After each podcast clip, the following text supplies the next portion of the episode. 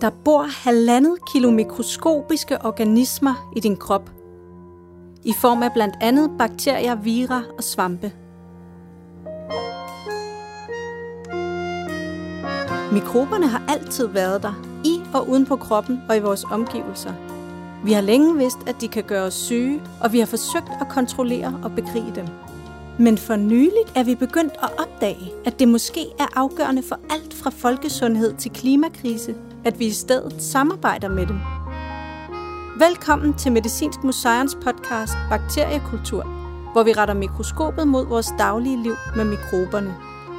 Hvordan påvirker det os at opdage, at selvom mikroberne er bitte små, er deres magt over vores liv og verden enorm? Denne fjerde episode handler om at gøre mikroberne synlige for os. Vi kan ikke umiddelbart se dem, men laboratorieforskere, kunstnere, filosofer og kommunikationseksperter forsøger at gøre det usynlige tilgængeligt for vores sanser og forståelse. Men hvad betyder det for vores forhold til mikroberne? Hvordan de bliver portrætteret? Jeg er Cecilie Glerup. Og jeg er Marie Chimwemwe Deinbol. Vi er videnskabssociologer og arbejder med videnskabsformidling. Sille, har du nogensinde set dine mikrober? Nej, eller jo. En gang i biologi i gymnasiet, så skulle vi faktisk spytte i en petriskål med agar, og så lade det stå. Og så kiggede vi i petriskålen dagen efter, så vidt jeg husker. Og så kunne man se sådan nogle hvide, lidt lodne plamager, som var små levende kolonier. Men altså, jeg så ikke hver enkelt mikrobe, kan man sige. Hvordan ser dine mikrober ud? Det aner jeg ikke. Jeg har jo aldrig set dem. Men nu du spørger, så har jeg nok alligevel nogle forestillinger om, hvordan de ser ud. Jeg ser for mig, at der er en masse folder inde i min krop, hvor der så er sådan en hvidlig masse. Lidt af de der belægninger, man får på tænderne, når det er længe siden, man har børstet dem. Og når jeg tænker på dem, der er uden på min krop, så er jeg nok lidt præget af de der fotografier af støvmider, som jeg som barn var meget fascineret af. Hvor man ser de her mystiske væsener, som ligner noget fra en Star Wars-film. Noget, som er ren fiktion, eller i hvert fald fra en fjern galakse. Og så er de i virkeligheden overalt lige her blandt os. Og det er lige præcis de her forestillinger og billeder af mikrober, det skal handle om i det her afsnit. Mikrober er usynlige, men forskere har gennem tiden brugt forskellige teknologier til at få øje på dem. Mest kendt er nok mikroskopet, men der er også andre teknologier, der er blevet udviklet, for eksempel i forbindelse med genforskning. Alle de her forsøg på at formidle, hvordan mikroberne ser ud, er jo samtidig en fortolkning af mikroberne. Selv et fotografi er jo ikke 100% lige det, der er på billedet. Der er for eksempel altid noget, som ikke er med på det. Inden for videnskabssociologien kalder man de her forsøg på at formidle mikrober for repræsentation. Man prøver at repræsentere de usynlige væsener. Man kan aldrig gøre det helt objektivt. Og det er faktisk ret spændende. For de afbildninger af mikroberne, vi ser, de er med til at forme vores idé om, hvad de er for nogen. Er de for eksempel fremstillet med menneskelige træk, så vi tilskriver dem intentioner og følelser? Ser de farlige ud? Er de smukke? Eller måske ligefrem lidt nuttede? Ser de magtfulde ud, som nogen eller noget, der kan udrette eller påvirke noget? Eller fremstår de ubetydelige? I denne episode taler vi med nogle mennesker, som på den ene eller anden måde forholder sig til repræsentation af mikrober. Både i videnskaben og i populærkulturen. Vi har snakket med Louise Whiteley, der leder forskningsprojektet Microbes on the Mind, og fortæller om sin forskning i billeder af mikrober.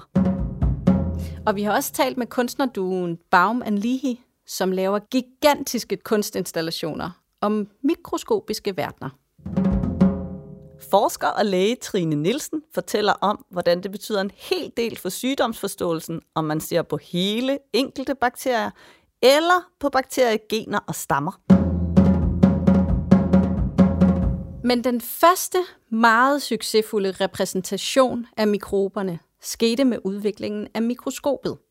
Så derfor starter vi med et kig tilbage i historien, når vi besøger medicinhistoriker og filosof Karin Tybjerg. Hun arbejder på Medicinsk Museum. Om noget udgør mikroskopet og de dengang nye kig ind i mikrobernes verden et vendepunkt i den vestlige medicinhistorie. Så derfor fylder mikroskopteknologi en god del i museets udstillinger og samlinger.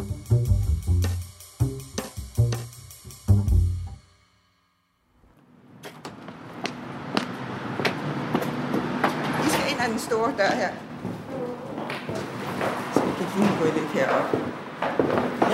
Hej. Hej. Vi har jo øh, sat dig i stævne her i dag på et øh, ganske særligt sted.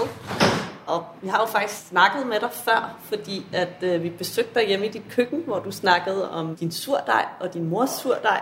Men øh, i dag skal vi snakke med dig, fordi du er nemlig også øh, lektor i medicinhistorie og øh, medicinfilosofi. Og hvor er det lige, vi står henne?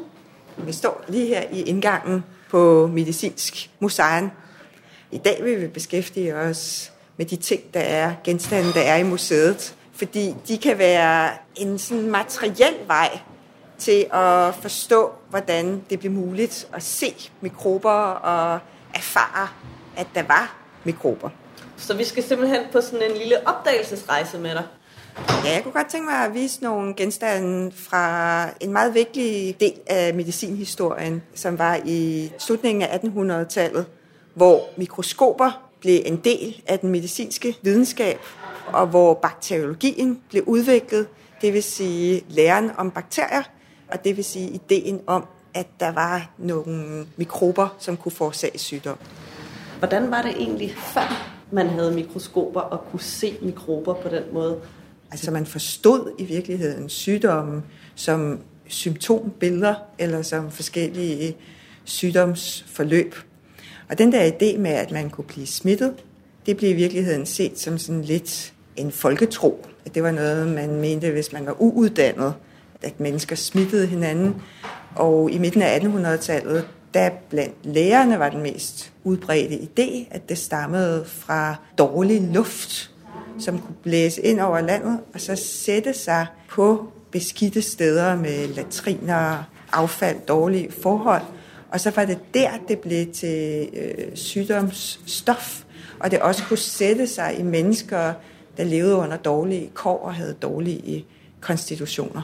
Men hvordan så sådan med kroppen? Brugte de kroppen til at se, at man var syg? Man kiggede selvfølgelig på, hvilke symptomer patienten havde, om man kastede op eller rostede, øh, og man så på, hvordan sygdommen udviklede sig. Men i 1800-tallet begyndte læger og forskere også at åbne døde kroppe for at se, om der var spor fra sygdommen i selve kroppen.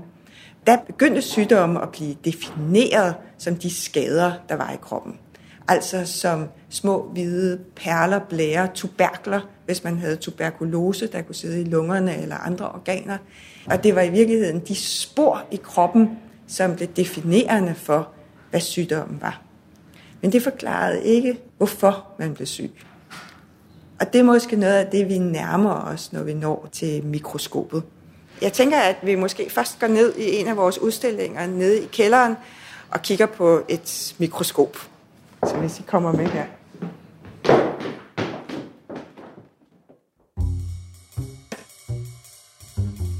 Men nu er det jo ikke kun forskere, der prøver at få øje på mikroberne.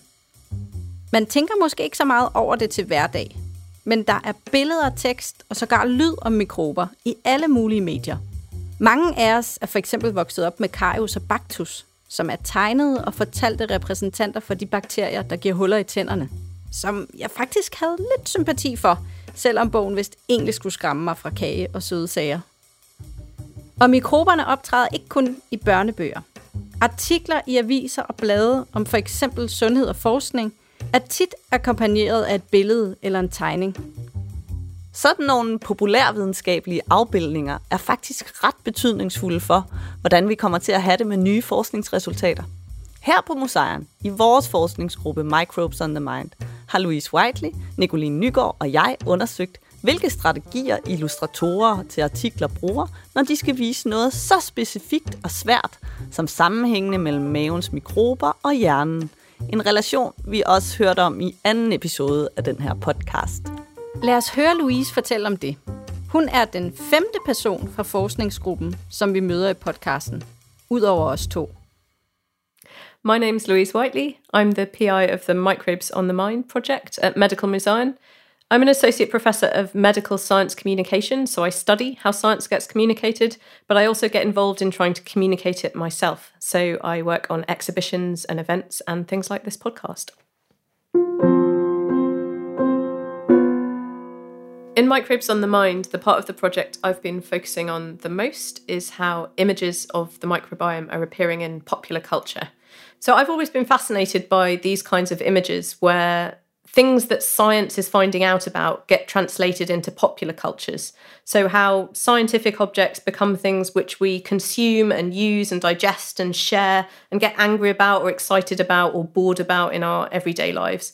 Because I think this is at least as significant as technology to the ways in which science shapes the societies we live in.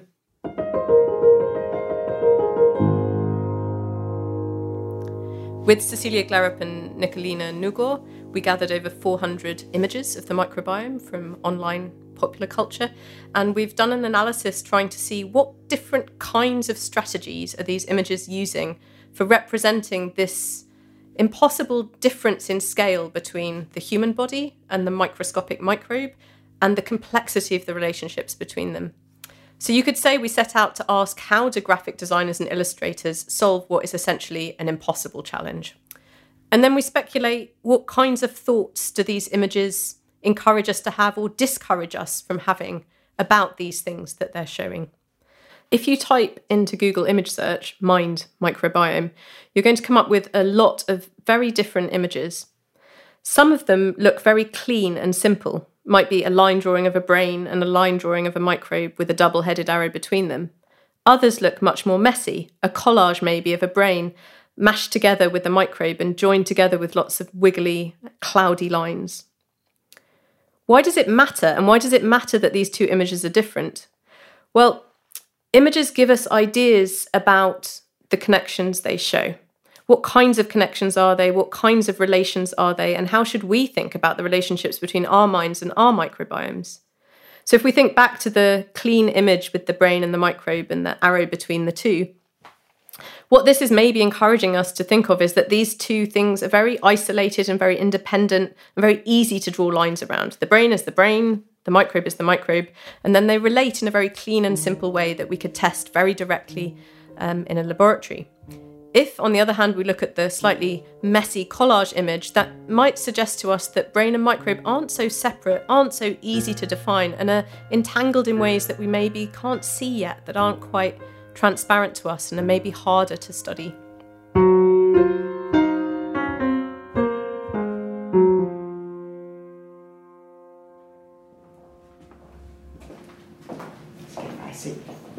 Lige her i, i montren. Ja, og nu står vi jo foran det her sådan øh, ret flotte mikroskop i. Ja, hvad er det egentlig lavet af? Er det, Det er et messing. Det er et messing. Det har det der sådan, videnskabelige instrumenter fra 17-1800-tallet. De er utrolig flotte. Og så er der sådan en lille nærmest drejebænk, eller hvor man kan sætte glasset, som, som prøven ligger på. Og så nederst er der sådan et, et spejl, som samler lyset, og en linse, som igen samler lyset, så man får en hel masse lys op igennem sit præparat for at kunne undersøge det. Og lige noget det der med at gøre det synligt, der er det her mikroskop helt særlig vigtigt, fordi det har tilhørt en dansk læge og bakteriolog, der hed Hans Christian Gram. Og han er utrolig berømt for at lave en bestemt indfarvning at det præparat, det man skal kigge på, øh, når man skal mikroskopere. At hvis man farver det på bestemte måder, så kan man få bestemte elementer af det, man kigger på, til at stå frem. I 1884 arbejdede Hans Christian Gram på et lighus i Berlin, hvor han skulle undersøge, hvad de mennesker, der kom ind, var døde af. Og han undersøgte lungevæv. Og der fandt han en helt særlig indfarvning, som gjorde ham i stand til at se forskelle på de præparater, han kiggede på. Nogle bakteriers cellevægge modtager farve, nogle gør ikke. Og hvis man slår op på Wikipedia eller et andet sted, forskellige bakterietyper, så står der altid, at den gram positiv eller gram negativ. Så det er simpelthen sådan en måde, man kan kategorisere bakterier på. Modtager de farve i bakterievæggen eller ej? Og Gram fandt sig ud af, at tyfus ikke lod sig farve. Så den fik ikke farve i sin bakterievæg. Og på den måde kunne han se, om en patient var død af tyfus eller ej. Så de her sådan, mm, altså nye måder at se bakterier på gennem de her indfarvninger, hvad gjorde det ved, hvordan man nu forstod sygdom? Det var en måde at gøre bakterierne synlige på. Men det giver også sådan et af de snit, man kan lægge imellem de forskellige typer. Og, og det bliver jo, at man sådan kan botanisere bakterierne. Man kan simpelthen begynde at opdele, hvilke bakterier er der. Hører de sammen? Er de i familie med hinanden? Så pludselig begynder man at kunne kortlægge det bakterielle landskab. Men altså her, der ser vi jo ligesom instrumentet, mikroskopet. Men hvad kiggede man faktisk på i det der mikroskop? Jamen lad os da gå op og kigge på nogle af de præparater, man kiggede på for at forstå infektionssygdomme.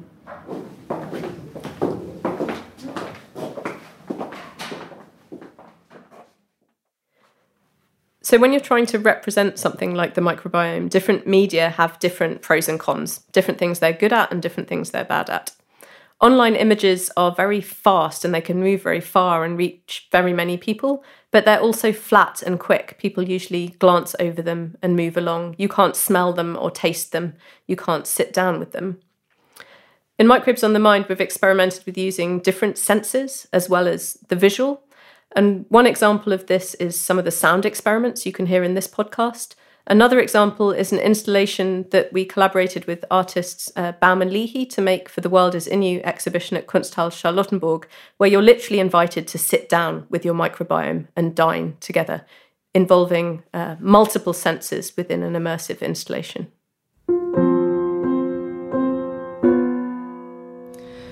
I am Amanda Baum.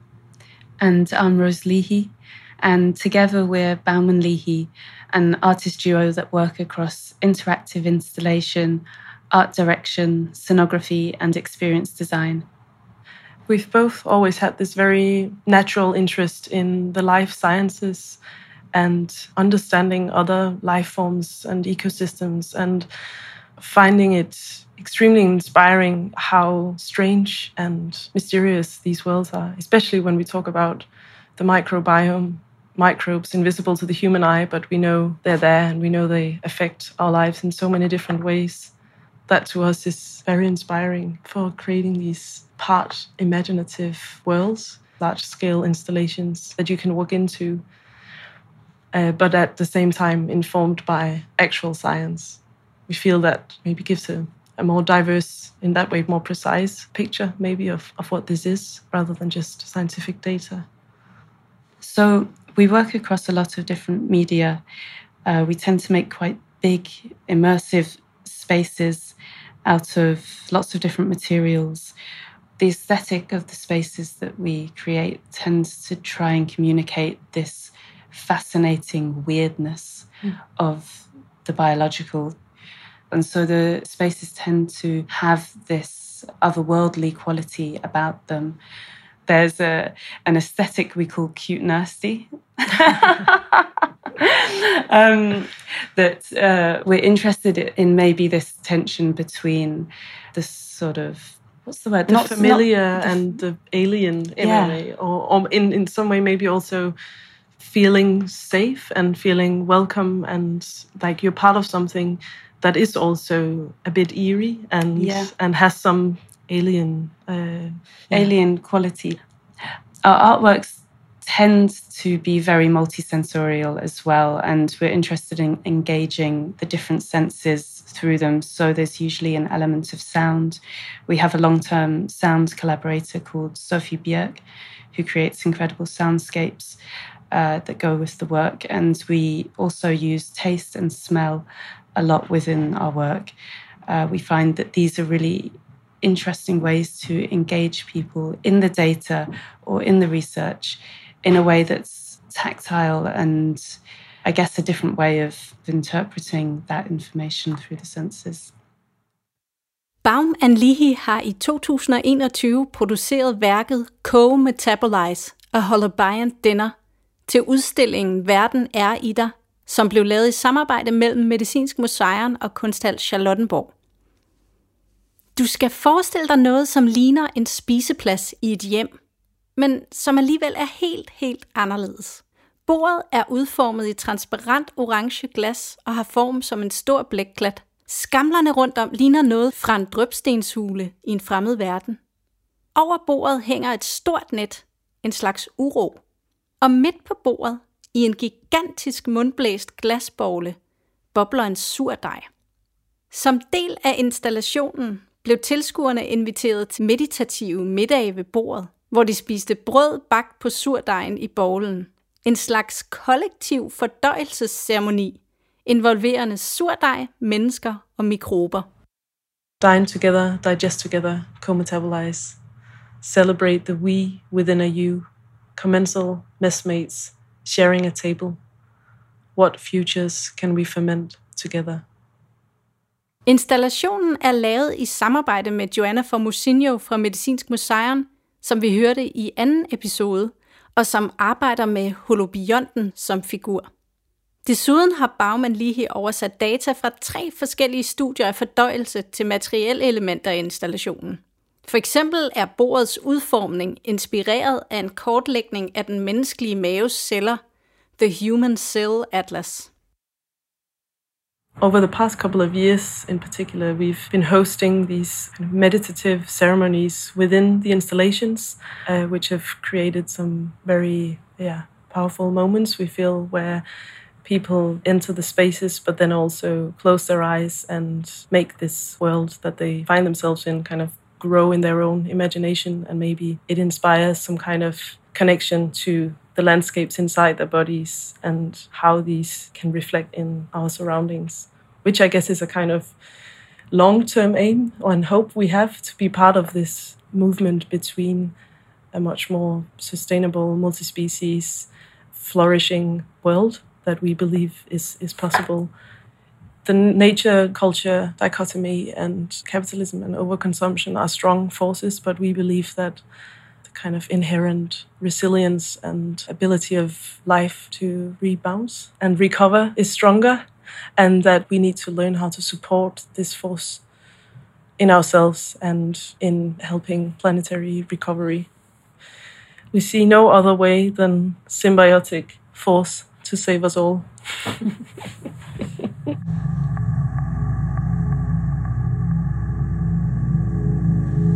This ceremony is an ode to the ubiquitous microcosmic embrace with which we've co evolved and which keeps us alive. At once an ancestral appreciation, a present moment of connection, rest, and healing, and a prayer for a future of symbiosis across scales and species. Through this ceremony, we would like you to explore the transformative potential of understanding the body as an ecosystem of constant life cycles.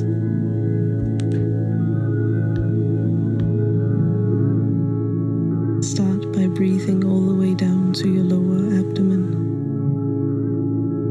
as if reaching down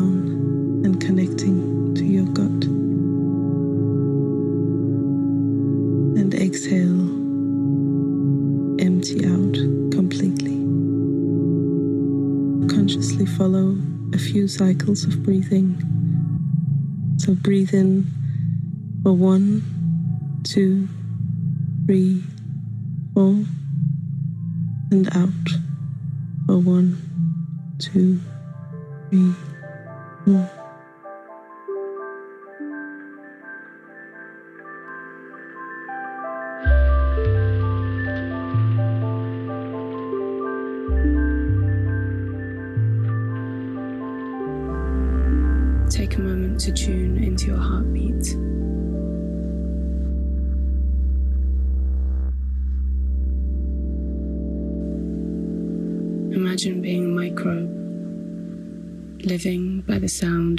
beating heart.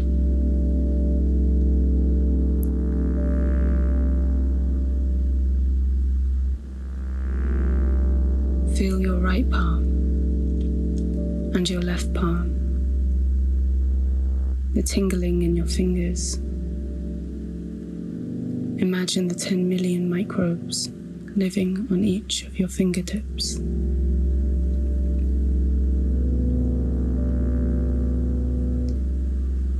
Now sense your entire body becoming still and at the same time vibrant.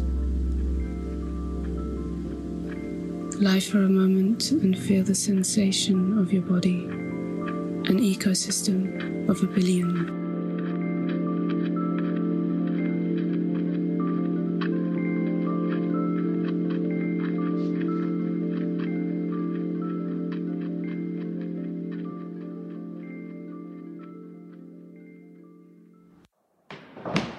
Nu skal vi se, nu skal vi øh, ud af udstillingerne og op i samlingerne, så vi skal lige forbi sådan et ræb her. Yes. Så nu kommer vi ind i de hellige haller.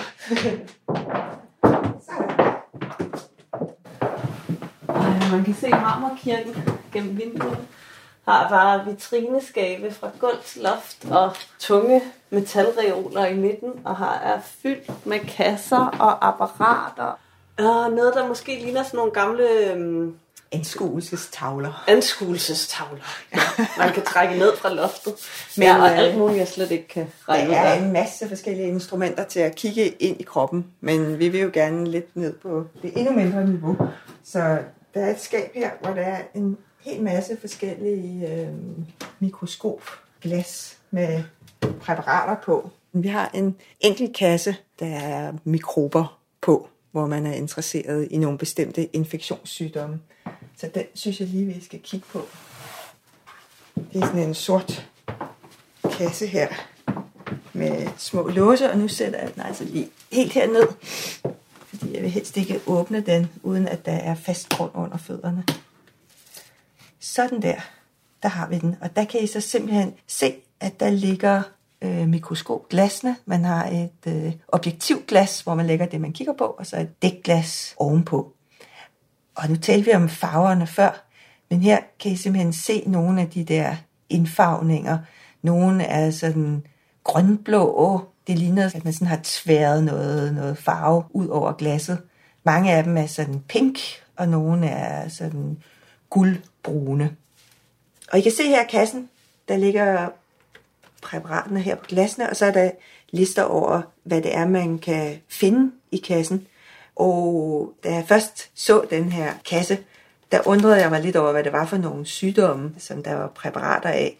Og der er for eksempel fuglekolera, og så står der sådan en due, hvis det kommer fra en due. Og så er der rødsyge, og det viser sig at være en sygdom, som svin lider af. Der er også pest, der er tuberkulose, mere genkendelige sygdomme. Men det viser sig faktisk, at kassen her, den giver nærmest sådan et øh, medicinhistorisk snit for nogle af de sygdomme, som vi undrede os over først. Det viser sig at være vigtige sygdomme, fordi for eksempel fuglekoleraen var den første sygdom, hvor Pasteur i Frankrig lavede en laboratorieudviklet vaccine imod den sygdom. Vi ser på den her æske med glas, der sådan står i sirlige rækker, og så er de sådan lidt i forskellige farver. Altså, hvad er det, man gør med sådan et glas? Altså man lægger noget materiale, altså fra en, en kultur, hvor man har dyrket det, og det er så indfarvet, og så et glas ovenpå, og så er der en markat, hvor der står hurtigt skrevet, hvad der er på glasset. Og de her glas var så dem, man sådan lagde ind i mikroskopet, Ja, for at kunne forstørre og se, hvad var det egentlig, der kriblede og krablede dernede. præcis. Det var dem, der blev forstørret. Og nogle af dem er det noget væskemateriale, og andre kan man se, der er en lille smule af et vævspræparat på. Og det er simpelthen en periode, hvor man sådan hvert år er der en ny sygdom, der bliver synlig. Så det er meningitis, det er pneumokok, det er stivkrampe, det er kolera, og det giver den her forståelse af, hvad det er, der er årsag til sygdommen. Jeg se, nu lukker jeg den igen. Men vi kan jo ikke se, hvad der er på glasene her. Så hvis vi skal længere ned mod øh, at forstå mikroberne, så kan vi måske kigge på nogle fotografier, der blev lavet af det, man rent faktisk kunne se igennem mikroskoperne. Men der skal vi hen i et andet rum. Ja, Så jeg Det stiller lige gerne. den her på plads. ja.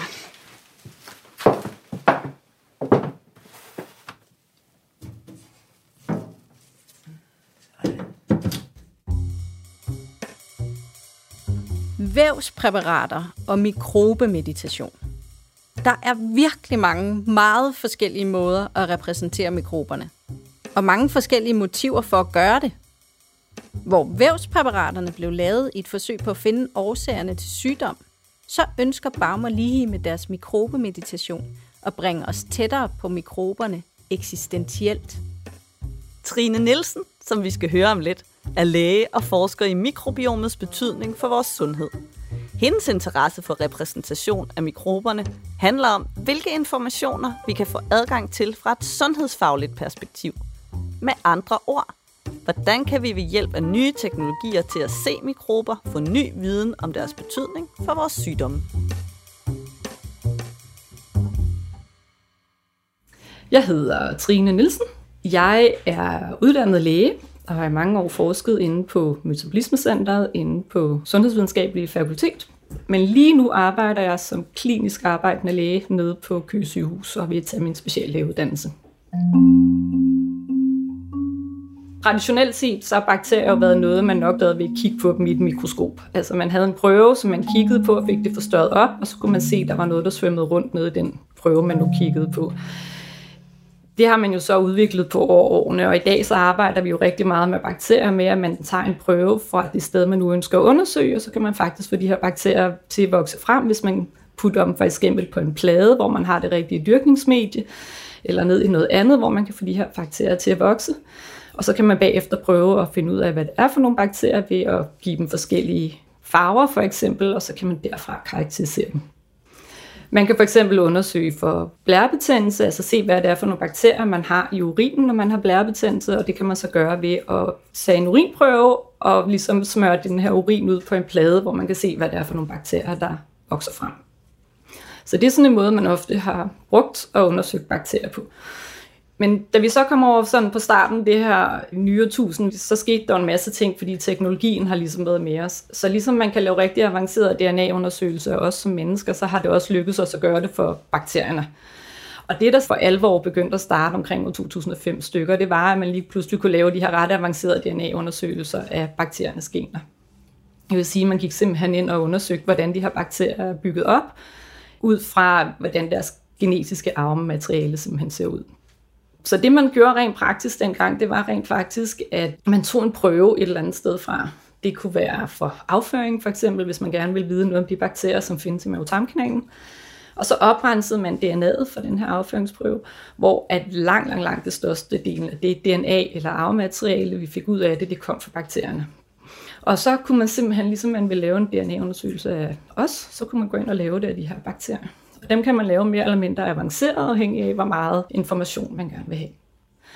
Det er sådan, at for eksempel hvis man arbejder med bakterier fra mavetarmkanalen, så er rigtig mange af de bakterier, som lever i mavetarmkanalen, de kan for eksempel ikke tåle ilt. Det vil sige, at når man skulle undersøge dem, så vil de som ofte forsvinde fra ens prøver. Så det, som vi lige pludselig nu fik kendskab til, når man går ind og laver sådan en, en stor form for sekventering af ens afmateriale fra for eksempel en afføringsprøve, det var alle de bakteriegener, som man kan finde derinde. Det vil sige, at vi fik lige pludselig overblik over alt det bakteriemateriale, der fandtes i en afføringsprøve eller fra mavetarmkanalen.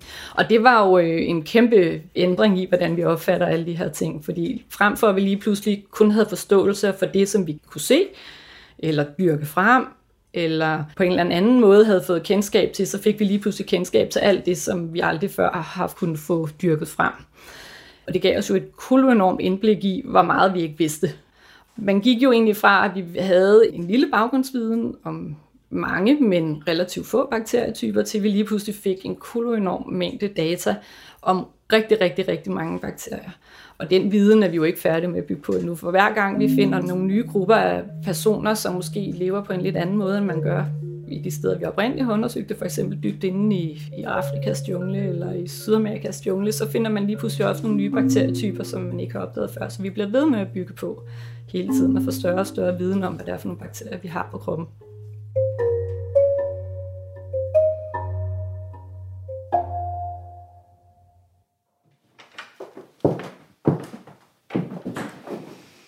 Endnu et rum med vitrinskabet fra gulv til loft. Og alle mulige samlingsgenstande. Jeg har faktisk taget sådan en lille kasse med nogle fotografier. Og det er for, at vi kan komme lidt tættere på mikroberne. Og det her, det er sådan en kasse, hvor man kan se skal jeg sige, man kan se sygdommene, men det er det jo ikke. Det er de bakterier, som forårsager sygdommene, og det er fotografier taget ned i mikroskoperne. Der er nogen af, hvordan man oprensede de forskellige øh, bakterier kulturer, fordi et af problemerne var, at man skulle isolere bakterierne. Man skulle vide, hvad man kiggede på. Og det var voldsomt beskidt arbejde. Og det kan vi for eksempel se. Vi har en, der hedder bakterium proteus. Det er en bakterie, som kan give blodforgiftning, den kan give urinvejsinfektion, men den findes i sådan forrådnet materiale eller i lig. Og da forskerne skulle undersøge den, så skulle de brugte de sådan forrådnet kød til at få fat i den her Ej. bakterie. Så det var en meget fysisk foretagende, det her med at isolere bakterierne og gøre dem synlige som årsagen til sygdommen.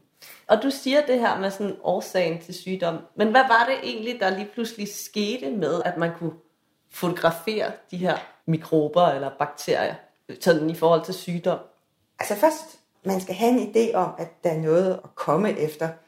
Jeg er en af dem, der øh, fik isoleret og set de første bakterier, var en forsker, der hed Robert Koch.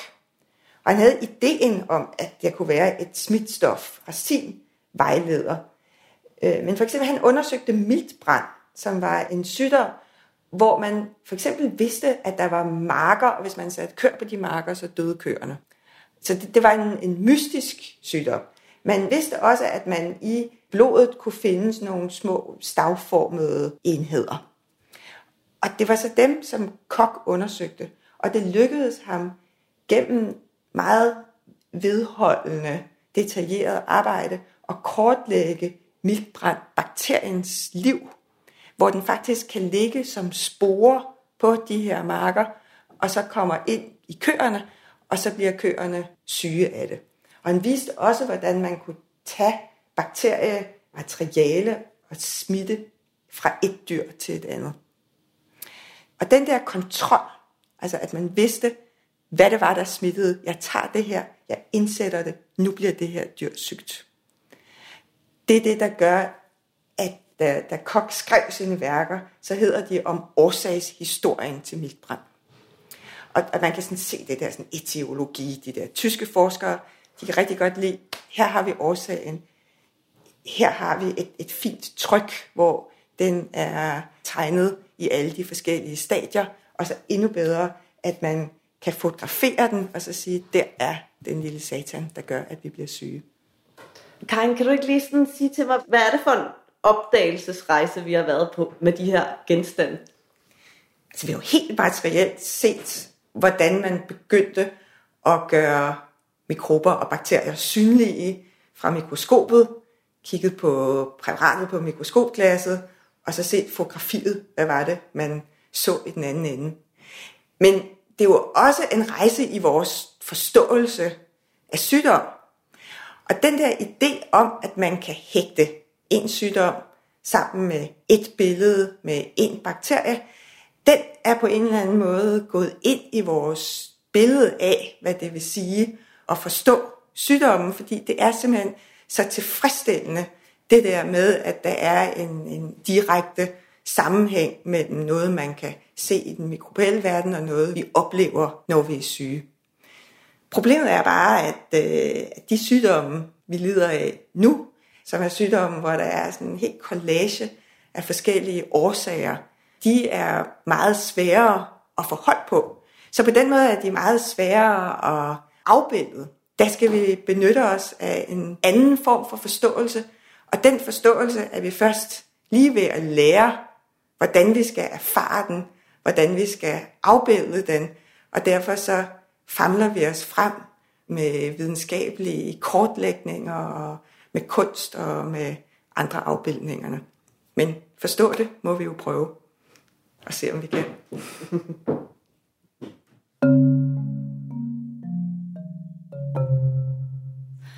Som lægestuderende, der, der har jeg jo altid lært om, at bakterier er noget farligt, og de skal have antibiotika, og de gør folk syge, og man skal sørge for at, at gøre folk raske i den anden ende. Det er ligesom været den opdragelse, jeg havde med om bakterier. Og øhm, så var jeg jo så heldig at komme i det her øh, store phd projekt som netop omhandlede om, at vi skal prøve at karakterisere de her bakterier, som, som findes i mavetarmkanalen. Så jeg gik jo fra at tænke, at bakterier er noget, vi skal prøve at gøre noget ved, fordi det er farligt til at få en forståelse for, at bakterier er noget, vi lever med, og som er faktisk rigtig vigtige for vores sundhed og helbred i det hele taget. Bakterier er til for os på en helt anden måde, end jeg havde været vant til.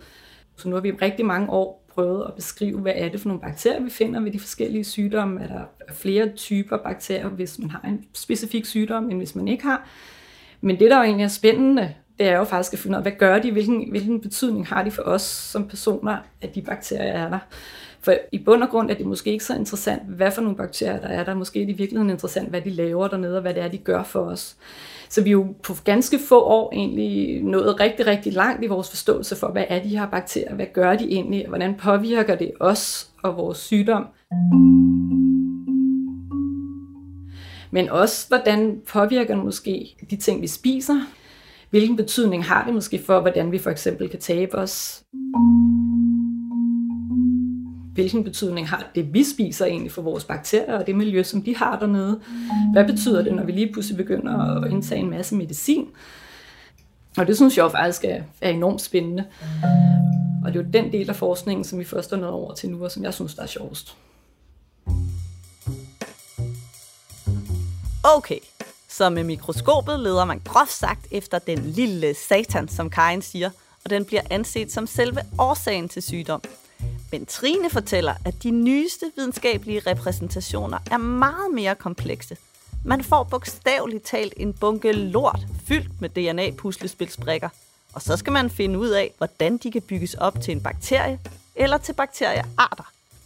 Og med den viden om bakteriernes DNA, kommer vi pludselig til at kunne forstå meget mere om samspillet mellem bakterierne og mellem bakterierne og deres omgivelser – i stedet for bare at identificere den ene isolerede bakterie. Jeg tror, at de fleste af os nemt kan fremkalde et billede af et mikroskop på den indre nethinde. Og måske også den lille satan, som ligger der i petriskålen. Men når Trine fortæller om DNA-sekventering, så er der straks mere tomt på min indre nethinde. Hvordan ser DNA-stykker i lort ud? Og hvordan ser teknologierne til at undersøge det ud? Det handler måske om, at der ikke er nogen ikoniske billeder fra mikrobiomforskningen endnu, ligesom man har fra andre usynlige forskningsobjekter. Jeg kan for eksempel huske, at min søn og hans venner fra 0. under første år med covid-pandemien troede, at flyvende blomsterfnug i luften, sådan fra mælkebøtter og den slags, var coronavirus. Det siger lidt om, hvor ikoniske billeder kan blive, Coronavirus er i hvert fald næsten altid afbildet som en kugle med stridende tentakler, som regel dog i mere markante farver end gråhvide blomsterfnuk. Ja, den rødglødende kugle er blevet helt ikonisk. Men måske er det endnu sværere at skabe den samme slags enkle ikoner om noget så komplekst som de her bunker af DNA, som Trine fortalte om. Og skal vi overhovedet forsøge at gøre forskningskommunikation enkel? Det er i hvert fald en overvejelse, som Louise Whiteley gør sig. New developments in medical science eventually end up becoming invisible to us. They start to seem inevitable, just part of the way things are. For example, when you get your childhood vaccinations, the kinds of tests the doctor would run if you show certain symptoms, the kind of treatments you get, and how governments organize public health strategies.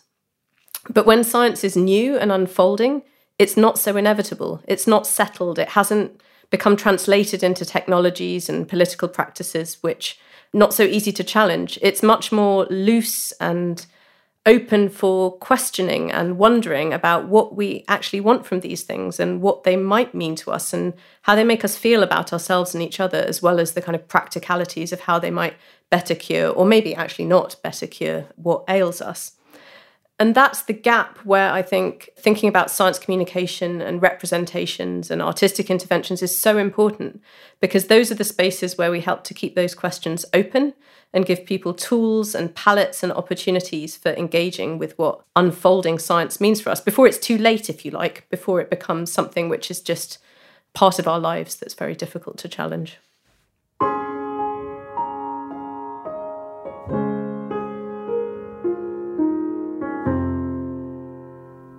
With science communication, I think people often think that what we need is to be clearer, simpler, and more accurate. So, to boil down the science so everyone can understand, and then we can have a sensible conversation about it. The problem is that the science isn't clear, simple, and accurate, even to the scientists. And when it gets entangled with society, um, it gets even more so. So I think sometimes good science communication can actually be messy and complicated as long as it's still engaging and interesting and fun and picks up on all those emotions that the history of science communication shows us come with people's engagement with science. And in the article that we are wrapping up about popular representations of the mind microbiome relationship, this theme has come up again and again. So the images which look simplest and cleanest, which in a way are easiest to understand, actually are least true to the subject that they're depicting. Whereas the images which are messy, they maybe leave something out. So it might be about the mind microbiome connection, but actually we only see the mind, and there's a hint of microbiome maybe in the colouring or in the title that accompanies the image, leaves something unspoken or it's highly complicated and it tries to put everything in and it looks like it's a terribly ineffective, inaccurate piece of communication, but actually it has more truth to the way that the science is currently understanding the world and maybe also to the way the world is. So we have this dilemma do we make things simple enough so that we feel like everyone understands at the cost of actually not really talking about what matters?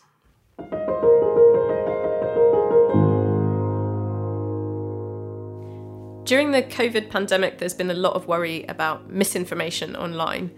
And organisations like the WHO have put a lot of resources into trying to give people tips and tricks about how to check your sources when you read something, for example, on Facebook about vaccines or face masks, how to check who wrote it, who was paying them, whether they reference scientific articles, and so on. But when it comes to online images of the microbiome, for example, or articles about how the microbiome might affect how we think about ourselves and our health, I'm not so worried about individuals getting misled or misunderstanding the science. Although, of course, those are always responsible things to ask when you read about science online. I think rather the questions we can ask ourselves is how do these images make me feel? What does it make me want? Or what does it make me scared of? And what else does it evoke in my life and how I understand myself and my community?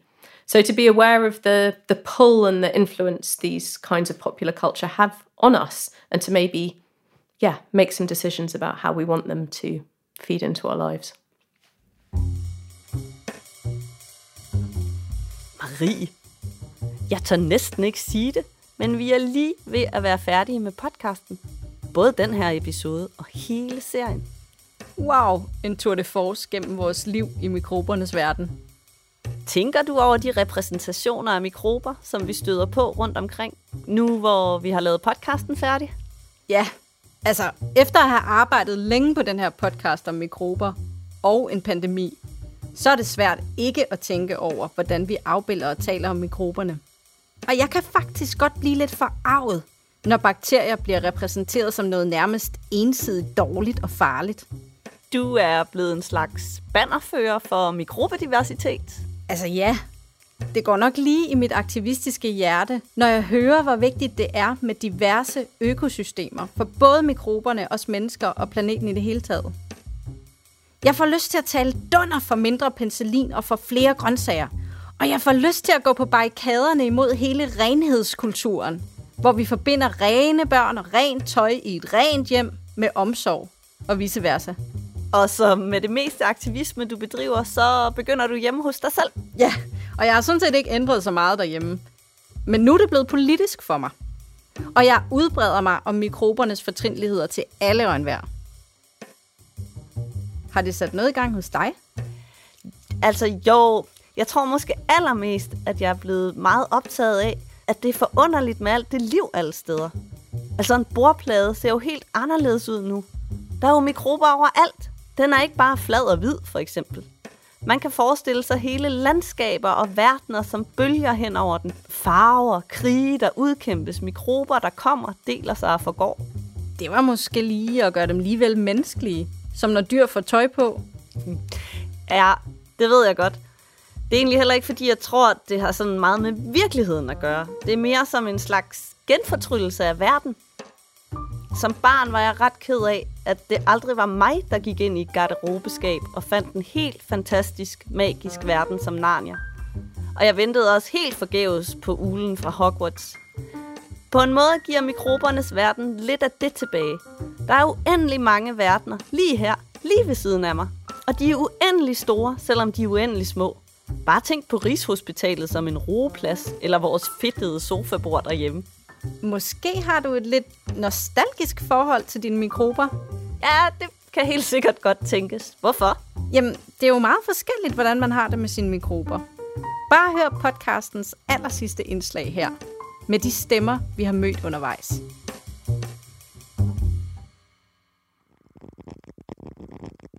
Despite this interest in how microbes seem to be everywhere and everything, I still struggle on a personal level to actually relate to them.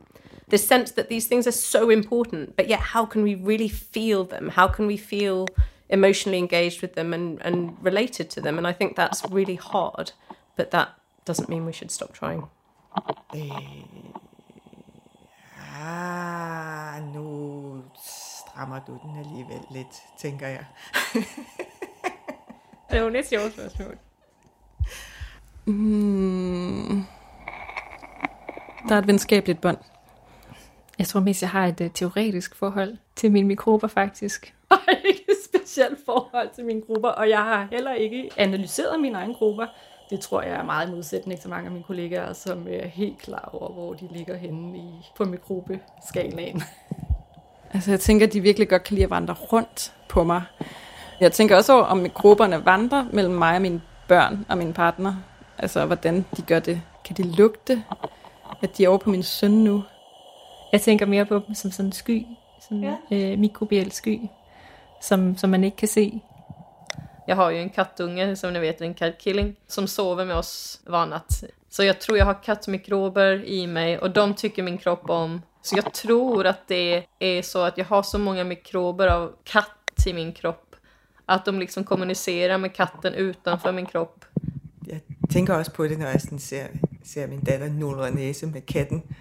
Um, altså alle de der kontakter, som jo nemt kan blive, eller har i sådan hygiejnerelationerne været fremstillet som farlige, men, men så der kan både være fare og kærlighed i mikrober på den måde, at der kan være fare og kærlighed i alle vores møder med verden. Så de prøver vel at sige, at jeg allerede er forrådnet på en eller anden måde. Når man besøger folk, hvor, der, hvor alting bare lugter af Ajax, og der er helt hvidt, og, og, og, du ved, og, og, og alting står snor lige, ikke? Det, det, det føles som et, et usundt miljø på en eller anden måde. Og tilsvarende græsplæner og overkontrollerede miljøer og, og du ved, ensartede ting ikke? Føles, føles forkerte på en eller anden måde, fordi det, mikrobiomforskning viser sig, at flertydighed og mængde og, og diversitet og udveksling og noget flertydigt er mere verdens naturlige og sundere tilstand. Ikke? Det kan også godt være, at det er mig, der ikke kan lide nogle af de der lidt krasse sæbeprodukter, som min mand vasker sig med. Men jeg kan nærmest mærke, at mine mikrober krymper sig, når jeg lugter til Head and Shoulders. Og jeg tænker sådan over, når man sådan tager underbukser på, man sådan lukker dem for meget inde i en grotte, eller om de skal have frisk luft. Altså, man kan jo næsten komme til at føle, at der lever noget på en, som man burde pleje på en eller anden måde, men hvordan gør man det? De kan godt lide sukker, tror jeg. Rugbrød. øhm, hvad kan de godt lide? Angora svætre, eller kan de lide, øh, at jeg smører mig ind i olie, eller hvad er godt? De kan lide, når jeg nulrer næse med min lille datter. Jeg håber, at hvis mennesket sådan ikke rigtig får rettet op på tingene, og vi ender med at ødelægge os selv, for eksempel, og smadre planeten, så håber jeg, at de får et, et godt langt liv her på kloden i milliarder af år fremover.